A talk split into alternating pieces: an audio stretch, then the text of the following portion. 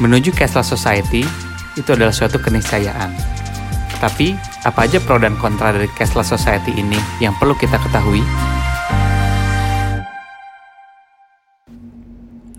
Hai guys, welcome to Decision Making Podcast with me Irfan Agia. Sebuah podcast tentang bagaimana kita bisa lebih baik dan juga lebih bijak dalam mengambil keputusan dalam kehidupan kita sehari-hari.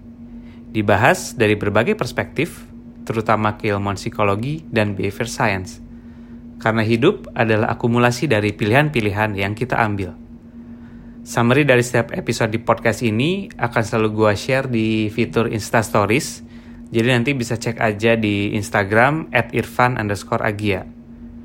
Di episode ke-28 ini kita bakal coba bahas tentang cashless society atau suatu masyarakat di mana mereka sudah tidak melakukan lagi transaksi menggunakan uang tunai, contohnya uang cash dan juga koin gitu ya, uang logam, tapi lebih ke uang elektronik gitu ya, baik itu debit, e-money ataupun juga sampai cryptocurrency. Nah, ini menarik karena sebenarnya uang itu sendiri itu adalah suatu konsep yang sebenarnya tuh cukup abstrak ya sebenarnya. Karena kalau kita lihat dari zaman ke zaman, kita tuh melakukan pertukaran dengan menggunakan medium yang berbeda-beda. Kayak contoh di awal itu kan kita sempat belajar atau dengar dulu orang itu kalau mau bertukar barang itu pakai sistem barter gitu. Jadi misalnya saya pengen uh, kambing gitu ya, ditukar dengan misalnya saya punya baju atau misalnya kayu gitu. Jadi nggak nggak apple to apple gitu untuk barang yang akan ditukar barter gitu ya. Nah uang ini sendiri itu berbeda konsepnya dengan barter. Karena ketika kita membayar dengan uang gitu ya uang yang kita tahu ini kan uang tunai gitu ya yang sekarang banyak kita gunakan itu kita nggak perlu punya uh, apple to apple yang seperti tadi contohnya kayak kambing dan juga kayu gitu ya. Jadi kita kalau mau beli kambing ya udah pakai uang tunai. Value nya tuh kita standarisasi sama kalau kita mau beli kayu juga sama kita bisa pakai uang tunai gitu ya. Jadi kita cuma butuh satu medium yaitu uang tunai tersebut. Nah dalam definisi teknisnya sendiri uang itu adalah sebagai store of value. Jadi ada value yang ditanamkan di dalam uang kertas tersebut. Kayak contohnya misalnya 100 ribu gitu ya. Itu kan sebenarnya uang kertas ya. Uang kertas yang mungkin kalau diproduksi itu ya mungkin kisaran maybe berapa puluh rupiah gitu ya mungkin 20 rupiah atau 100 rupiah maybe I don't know. Tapi ada value yang di attach dalam uang kertas tersebut yaitu seharga 100 ribu. Nah pasar ini nanti akan menentukan 100 ribu ini tuh bisa dipakai untuk beli apa aja gitu. Jadi uang ini adalah semacam store of value yang distandarisasi gitu ya. Nah penggunaan uang ini sendiri itu di first recorded itu di Irak dan Syria gitu ya. Kalau dari beberapa sumber yang gue baca di Babylon Civilization around 3000 BC before Christ gitu ya. 3000 tahun sebelum masehi lah. Nah di Babylonian Times ini orang-orang menggunakan silver itu kayak koin-koin perak gitu untuk menjadi sebuah standarisasi value untuk bertukar gitu ya barter atau membeli suatu barang atau atau produk gitu lah ya produk. Gitu. Nah untuk bisa si koin-koin ini digunakan itu perlu dites dan juga perlu ada standarisasi yang harus dinaungi oleh otoriter lah saat itu. Mungkin seperti raja dan juga pemerintahan gitu. Jadi biar orang ini bisa percaya value dari uang ini tuh standarnya berapa? Karena dinaungi oleh raja atau pemerintahan. Gitu. Karena kan kita tidak bisa tiba-tiba menerima uang logam atau perak gitu ya. Terus ini bisa ini beberapa uang silver ini bisa beli kambing lo lo gitu misalnya. Oh ini harus tahu, dari mana nih standarisasinya? Nah harus dinaungi oleh otoritas gitu ya atau government. Gitu. Nah jadi intinya in order the money to have a value trust is needed gitu. Makanya sebenarnya basic awal konsep terjadinya uh, pembentukan uang ini adalah harus ada trust dulu. Gitu. Karena kita harus punya standar si uang ini tuh bisa bernilainya berapa nih. Gitu. Terus kalau untuk paper bill sendiri uang kertas itu digunakan pertama kali di China. Gitu. Di Tang Dynasty gitu kalau yang sempat gue baca. Gitu. Nah nowadays sebenarnya kayak uang ini kita juga banyak pilihan dari uang kertas sampai juga uang logam gitu ya sebagai alat tukar atau alat beli sebenarnya bukan alat tukar ya sebagai media untuk membeli suatu produk atau jasa yang dinaungi oleh bank sentral di setiap negara gitu untuk memonitor dan juga uh, memastikan value-value ini tuh terstandarisasi gitu. Nah kemudian kita mulai lagi move on nih dari barter terus ke silver, koin logam terus ke uang kertas, paper bill, terus sampai credit card nih udah mulai pakai plastik, kartu plastik. Nah kartu plastik ini tuh pertama kali di uh, eh, UK Barclays nih Bank Barclays ini issued UK's first credit card itu di tahun 1966 di tahun 29 Juni 1966 gitu. Terus debit card sendiri muncul follow-nya 1987 gitu. Dulu tuh kartu kredit itu di dibuat untuk uh, traveling salesman gitu. Untuk orang-orang yang akan pergi ke luar negeri gitu ya. Untuk mempunyai daripada harus membawa uang kertas atau uang logam yang banyak gitu ya. Mereka mencari cara gimana caranya agar bisa membawa value-value dari uang tersebut tanpa harus uh, berat-berat gitu ya ke setiap negara. Gitu. Nah menariknya China ini kan uh, invented the paper money. Tapi sekarang China ini sendiri juga udah mulai embrace menuju electronic payment gitu ya. Bisa sempat kita dengar juga gitu kalau lihat kalau ke China itu orang-orang udah bayarnya tuh udah jarang banget pakai uang tunai.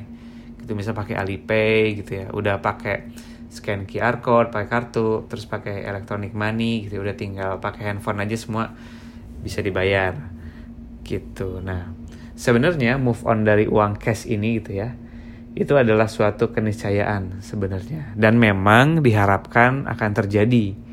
Kenapa?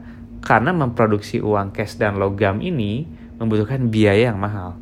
Biaya nggak sedikit. Jadi harus kita ketahui juga bahwa untuk membuat si uang ini kan butuh kertas butuh logam ya. Nah, itu biayanya tuh besar banget gitu. Dan kita juga untuk membuat uang-uang ini perlu mengorbankan natural resources. Gitu karena kan kayak uang kertas ini misalnya dibuatnya untuk perlu menebang beberapa pohon gitu ya. Dan gak cuma itu pengirimannya logistik deliverynya ini uang-uang kertas ini ke seluruh misalnya penjuru Indonesia peredaran uangnya itu tuh memberikan cost yang besar banget.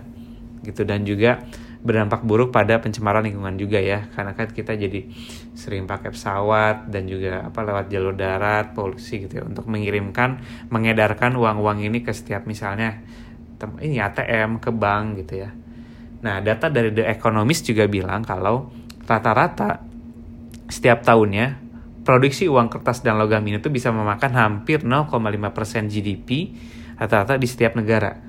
Gitu bayangin 0,5% dari GDP yang segitu banyak itu digunakan untuk memproduksi uang-uang ini. Jadi uh, menurut gue ini adalah suatu keniscayaan dan memang setiap negara itu berharap bisa going cashless karena itu tadi bisa meminimalisir dampak lingkungan juga gitu ya. Dan juga terutama money gitu ya menekan pengeluaran untuk memproduksi uang-uang tersebut gitu nggak cuma itu robbery atau juga nih perampokan nih perampokan bank gitu jadi one of the reason uh, ini khusus Swedia ya. Swedia itu udah mulai pengen jadi di begin the idea of going cashless in the first place gitu. Karena di tahun awal 2000-an itu banyak banget perampokan di Swedia yang membuat bisnis-bisnis ini ngerasa unsafe gitu ya. Dan ini menjadi inisiasi untuk akhirnya oke okay, kita bikin kasus dan Swedia ini menjadi negara percontohan sebenarnya jika kita pengen lihat gitu gimana sih cashless society ini tuh berjalan bagaimana negara meregulasi keuangannya agar masyarakatnya itu sudah mulai menggunakan cashless udah nggak lagi menggunakan uang tunai. Gitu. Nah nggak cuma demand dari negara-negara ini sendiri ada juga demand dari younger generation. Sebenarnya anak-anak muda yang menginginkan setiap payment itu makin fast, makin easy, makin secure gitu ya. Dan baik lagi ke pemerintah, Kasus juga memudahkan pemerintah untuk mengawasi transaksi dana Nah, untuk memonitor tax dan juga fraud ini. Jadi biar collecting the apa? pajak gitu ya. Pajak itu bisa menjadi lebih fair dan juga lebih traceable gitu. Nah, namun gerakan menuju cashless ini nggak cuma ada pro-nya tapi juga ada kontranya juga. Pro cashless sendiri seperti yang sudah kita bahas tadi itu lebih nyaman gitu ya kalau kita pakai uang elektronik kita nggak perlu bawa uang cash banyak ke mana-mana gitu ya. dan juga uang cash ini sendiri kan juga sebenarnya kotor ya. Banyak germnya gitu. Dan uh, itu juga bisa membuat kita lebih mudah kalau pakai cashless. Bisa pakai lewat handphone doang gitu ya. Terus juga ada liability ada resiko juga kalau misalnya cash itu keambil gitu ya it's gone. Udah hilang there's no uh, recourse gitu. Karena tapi kalau misalnya kartu debit atau kartu kredit kita hilang itu kita bisa langsung nelfon ke bank untuk misalnya entah diblokir dulu gitu ya. Walaupun sebenarnya mungkin cybercrime udah lebih uh, pintar tapi at least resiko untuk kehilangan uang di uang digital itu lebih bisa diminimalisir dibandingkan kalau kita bawa uang cash dompet hilang udah selesai. Kayak gitu. Nah konnya dari cashless ini sendiri atau kontranya adalah uh, ada yang banyak juga yang concern terhadap freedom. Banyak concern terhadap privacy. Kenapa? Karena di satu sisi government menjadi lebih mudah untuk mengawasi atau memonitor uh, transaksi kita ke mana aja karena juga untuk kebutuhan pajak tapi juga banyak lapisan beberapa lapisan masyarakat yang menganggap kalau ini tuh bisa menjadi surveillance gitu ini waduh kita diawasi terus nih pengeluaran kita tahu gitu kan. Terus juga kita data privasi kita juga jadi ketahuan sama government segala macam nah terutama untuk negara-negara yang contohnya misalnya seperti China yang memang uh, apa udah sangat ter setiap setiap orang tuh uh, datanya tuh dimiliki sama misalnya government gitu ya. Jadi banyak juga yang menganggap kalau itu bisa jadi the end of freedom maybe I don't know. Terus juga terutama kalau untuk dari sisi konsumen nah untuk personal finance ini juga ada beberapa kontra yang menganggap kalau pakai uang kalau pakai cashless ini tuh bisa membuat kita lebih boros gitu ya lebih boros dalam arti karena kita nggak ngerasa uh, jadi kita ngerasa punya uang lebih gitu ya uang banyak kalau misalnya kita pakai credit card ataupun uang elektronik gitu. Jadi sempat ada studi juga kalau membayar menggunakan credit card itu tuh less painful dibandingkan membayar menggunakan cash gitu. Jadi so shoppers and spend more money gitu. Jadi ada jurnal di tahun 2008, jurnalnya dari jurnal Experimental Psychology. Itu researcher pria dan juga Joy Deep gitu ya. Dia tuh menemukan bahwa ada perbedaan yang signifikan antara uh, bagaimana orang spending menggunakan uang cash dan juga cashless gitu. Jadi Insight yang ditemukan dari studi ini adalah the more transparent the payment, the greater the aversion of pain of paying. Jadi semakin transparan si pengeluaran kita gitu semakin kelihatan, itu semakin memperbesar sakitnya itu pain of paying itu dengan menggunakan cash kayak contoh misalnya gini, ketika kita mau bayar uh, anggaplah misalnya bayar baju gitu ya, bayar baju di mall. Nah, bayar baju sekitar ya 750 ribu misalnya ya Nah kita kalau kita pakai uang cash kita kan buka dompet dulu nih, buka dompet terus ngitung kan, apalagi kalau uangnya tuh 50 ribu, 20 ribu itu tuh kita tuh ngitung gitu ya, terus ngerasain megang uangnya gitu, terus kita kasih ke kasir. Nah itu tuh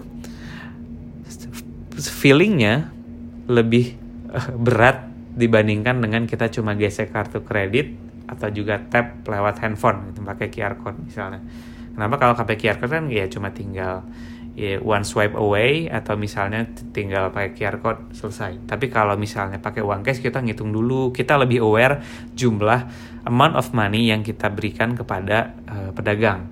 Gitu. Jadi ada istilah pain of paying. Kenapa? Karena lebih transparan gitu kelihatan. Nah, semakin tidak transparan, semakin nggak kelihatan uangnya, itu kita lebih ngerasa tidak tidak sesakit mengeluarkan uang cash gitu. Jadi ada ada dua uh, important reason kenapa pain of paying ini menjadi penting. Ketika menggunakan cashless misal atau kredit misalnya pakai credit card lah anggaplah kita pakai credit credit card. Itu ada jarak ada jangka waktu antara kita beli dan juga ketika billnya datang.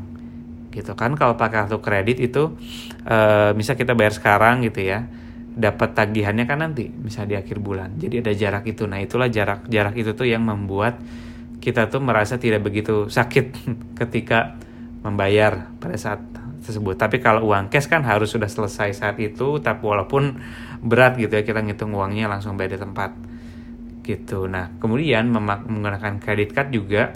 Yang kedua ini bisa membuat kita membeli different purchases to be mixed together gitu. Jadi kayak contohnya dalam satu minggu ini gue bisa beli uh, 3 sampai 4 barang yang berbeda tapi tetap gue dapat bayarnya tuh nanti. Dapat bayarnya tuh nanti di akhir bulan.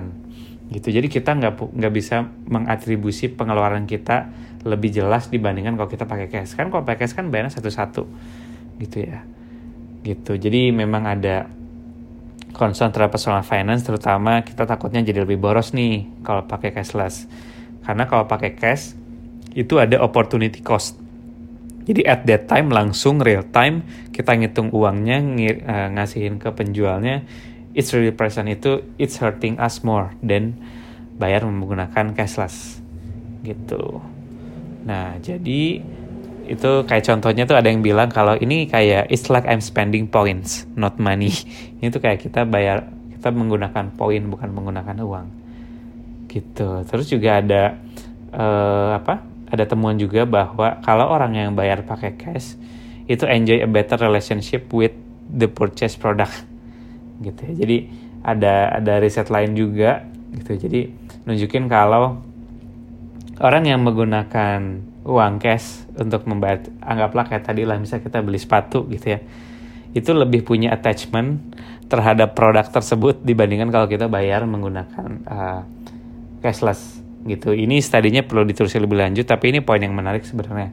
Mungkin asumsi gue karena kayak tadi kalau kita bayar uang cash seakan kita kita ngitung kita berhati-hati banget dalam menghitung dalam menyiapkan uangnya gitu ya dan akhirnya memberikan uang ke penjual. Itu ada rasa kalau wah uh, ini nih hasil hasil gue nih hasil nabung atau juga hasil ngitung uang gue gitu. Jadi punya attachment lebih terhadap si sepatu itu dibandingkan kalau cuma one swap away pakai credit card. Gitu. Terus juga consnya ini adalah tentang orang-orang yang bisa left behind. Gitu. Jadi mungkin si digital money ini bagus terutama untuk orang-orang terutama anak-anak muda gitu ya misalnya sampai gen gen X maybe masih masih masih bisa gen X, gen Y, gen Z. Tapi gimana dengan orang-orang yang memang sudah sangat uh, terbiasa sekali menggunakan cash gitu ya, terus belum terbiasa menggunakan teknologi yang kayak smartphone gitu ya. Dan nggak dan nggak sedikit orang-orang seperti orang tradisional yang lebih tradisional gitu ya, lebih suka menggunakan uang cash, lebih masih pakai apa?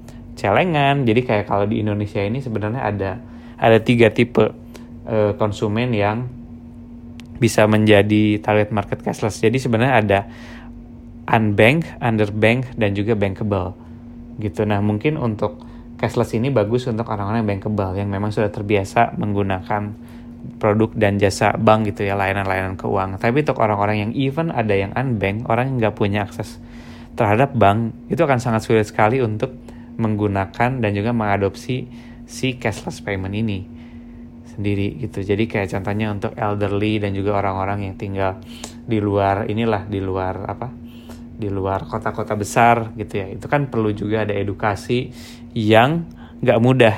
Pasti prosesnya panjang untuk mengedukasi orang-orang tersebut untuk akhirnya terbiasa menggunakan cashless.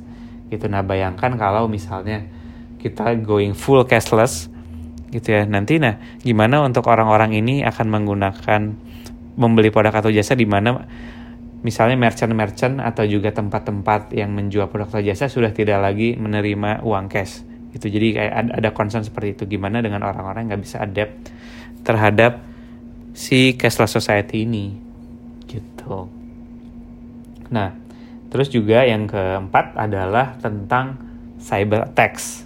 Nah ini. Jadi mungkin ke depannya kita nggak akan lagi ngelihat film-film yang film action gitu ya yang planning untuk uh, merampok bank gitu ya terus kayak misalnya ngerampok ke bank-bank cabang atau bank besar untuk ayo uangnya ditaruh di koper gitu ya nah mungkin maybe 5 sampai 6 ke depan kita udah nggak lihat lagi action movies dengan konsep seperti itu. Kenapa? Karena kejahatan ini sudah berubah nih, udah transform dari yang misalnya robbery menjadi hacking, jadi hacker, jadi cyber attacks gitu. Jadi sebenarnya yang yang akan sangat dirugikan oleh going cashless ini sebenarnya adalah kriminal-kriminal atau black market.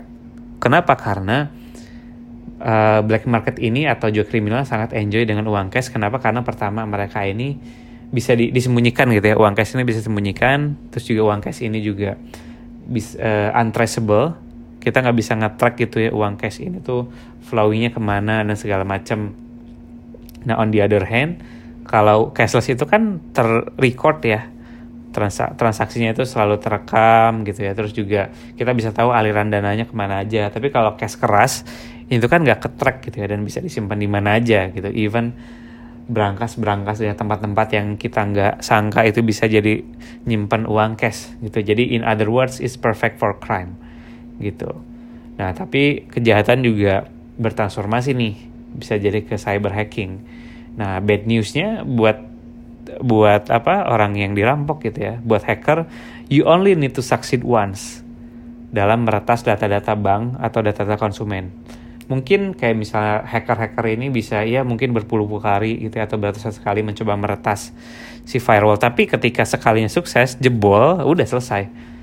Gitu, dia bisa langsung dapat nggak hanya uang tapi juga data-data privacy, data-data setiap nasabah, misalnya nasabah bank. Nah ini yang terjadi di Capital One Bank waktu tahun 2000, I don't know, lupa 2017 atau 18 itu sempat juga kebobol itu data oleh hacker-hacker gitu. Jadi juga ini akan menjadi challenge sebenarnya di tahun-tahun ke depan, terutama untuk uh, negara, pemerintah dan juga kita yang mengadopsi cashless gitu ya.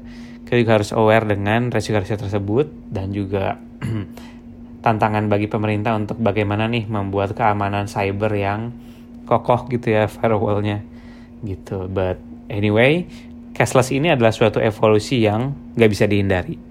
Jadi suka nggak suka kita akan menuju ke sana. Gitu, kita akan menuju ke, karena ya tadi tadi demand dari younger generation juga terus juga demand untuk meredam cost memproduksi uang uang tunai dan logam ini sendiri gitu ya. Nah tapi sebenarnya dalam dunia cashless ini kita punya kita bisa punya harapan dengan e-wallet sebenarnya ya. Nah, jadi kita kan sempat bahas tentang uh, card dan juga uang cash dalam membuat orang-orang tuh akhirnya jadi boros gitu ya. Nah, bagaimana dengan e-wallet gitu? Dengan e-wallet kalau di Indonesia ini udah ada beberapa atau e-money lah ya. E-money beberapa merek di Indonesia yang udah mulai banyak digunakan gitu ya sama orang-orang di sini kayak contohnya misalnya OVO, Link, Link aja, Shopee Pay, GoPay dan juga Dana gitu ya. Ini kan sebenarnya media-media payment yang memang sudah banyak digunakan oleh uh, masyarakat Indonesia gitu ya. Kalau kita lihat tuh udah udah biasalah gitu ya kita kalau orang-orang di di urban gitu orang-orang kota ngelihat orang-orang udah mulai bayar pakai handphone, pakai QR code gitu ya Terus juga apalagi negara udah mulai me mengedepankan QRIS code gitu ya. Jadi satu QRIS untuk seluruh pembayaran gitu. Terus juga kayak contoh misalnya apa? Udah mulai banyak beberapa instansi yang pengen digitalisasi full. So it's inevitable. Going cashless ini juga menjadi program pemerintah juga dan lambat laun kita juga akan menuju ke sana. Jadi kita perlu adapt juga suka nggak suka dengan kasus ini walaupun sebenarnya dibandingkan dengan kartu kredit gitu ya e ini bisa punya uh, advantage lebih karena kan kita sempat bahas nih tentang overspending ketika menggunakan kredit card. Nah sebenarnya yang membedakan kredit card dengan cash itu adalah kalau kita bayar cash kita kan langsung nih kepotong uangnya di saat itu juga dan kita ngerasain pain of paying di sana.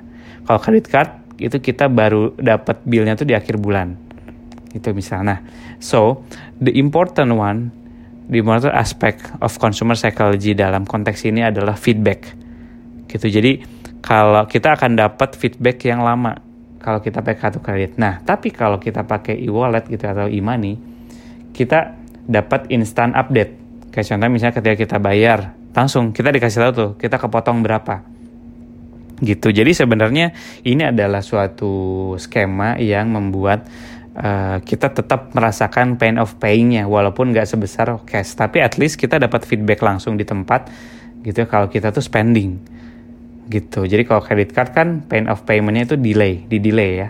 Tapi kalau misalnya uh, apa pakai e-wallet atau e-money kita tetap dikasih tahu langsung saat itu juga kita tuh dipotong berapa gitu ya uh, spending kita berapa. Jadi user can see that the money is deducted immediately gitu. Jadi uh, getting notification each time we pay gitu ya, itu juga menjadi instant feedback yang memiliki pengaruh similar dengan bayar uang cash walaupun tidak se sakit gitu ya bayar pakai uang cash. But at least we get the instant feedback. Inilah yang membedakan uh, cashlessnya uang elektronik e-money atau e-wallet dengan credit card gitu. So uh, the message is clear a shopper sebagai konsumen gitu ya kita harus bisa membalance antara convenience of paying dengan negative outcome jadi juga kita juga justru harus bisa memanfaatkan cashless ini sendiri dengan jadi bisa lebih manage uangnya. Kayak contohnya kan sebenarnya yang membedakan antara uang cash dan iman ini adalah kita bisa dapat history. Kita bisa dapat history atau juga dapat apa? Uh, dicatat gitu ya, manage keuangannya. Oh kita ini udah spending berapa dibandingkan uang cash. Kalau uang cash kan kita harus masukin sendiri tuh atau nyatat sendiri. Itu membutuhkan willpower lebih. Tapi kalau kita pakai e-money, itu transaksinya kan ke record gitu jadi kita bisa tahu pengeluaran kita berapa gitu kita bisa lebih aware lagi dengan berapa yang kita spend bulan ini itu lebih traceable gitu walaupun sebenarnya kita juga lebih bijak kita kalau menurut gue pribadi kita juga harus tetap di masih di tahun-tahun ini kita masih tetap jaga-jaga pegang cash juga lah beberapa sedikit. Karena itu tadi belum semua maybe belum semua touch point di kehidupan kita itu udah bisa menggunakan cashless gitu. Jadi ya kalau gue pribadi sih masih bawalah gitu minimal uang cash lah misalnya 50 sampai 100 ribu gitu ya. Untuk yang apa yang denominasi kecil-kecil. Karena siapa tahu ada beberapa uh, apa tempat yang belum bisa menggunakan cashless seutuhnya walaupun sebenarnya going cashless ini inevitable, ini adalah keniscayaan. Lambat laun gue believe kalau misalnya Indonesia ini juga bisa menjadi negara percontohan dengan menggunakan apa cashless society gitu ya. Terus juga ada ketika ada fear orang-orang akan left behind gitu ya dengan uh, menjamurnya cashless ini, gue yakin kalau di Indonesia sendiri kita sudah mulai menyasar juga inklusi keuangan gitu ya. Jadi salah satu goal dari pemerintah Indonesia adalah inklusi keuangan. Jadi bagaimana caranya cashless ini juga justru menjadi akses, menjadi jembatan bagi orang-orang yang unbank yang dan juga underbank yang yang belum terpapar banyak dengan layanan keuangan untuk bisa lebih banyak mendapatkan manfaat gitu ya dan juga akses terhadap uh, layanan-layanan keuangan kayak gitu. So the the the progress is there. So we we just have to believe dan juga uh, kita tetap harus menjadi wise consumer anyway. Oke okay, I think that's all tentang cashless society. Uh, nextnya di episode 29 gue akan bahas as aspek lain. Ini tentang perfectionism. Apakah menjadi seorang perfeksionis itu baik atau buruk? Atau seperti apa? Apakah itu misalnya? Apa sih yang membedakan perfeksionis itu dengan apa uh, orang yang benar-benar sangat ideal. Jadi kita coba bahas di next episode. I hope we can catch up again in the next two weeks. So see you later. Uh, sampai ketemu lagi di episode ke-29 uh, two weeks from now. Thank you for listening.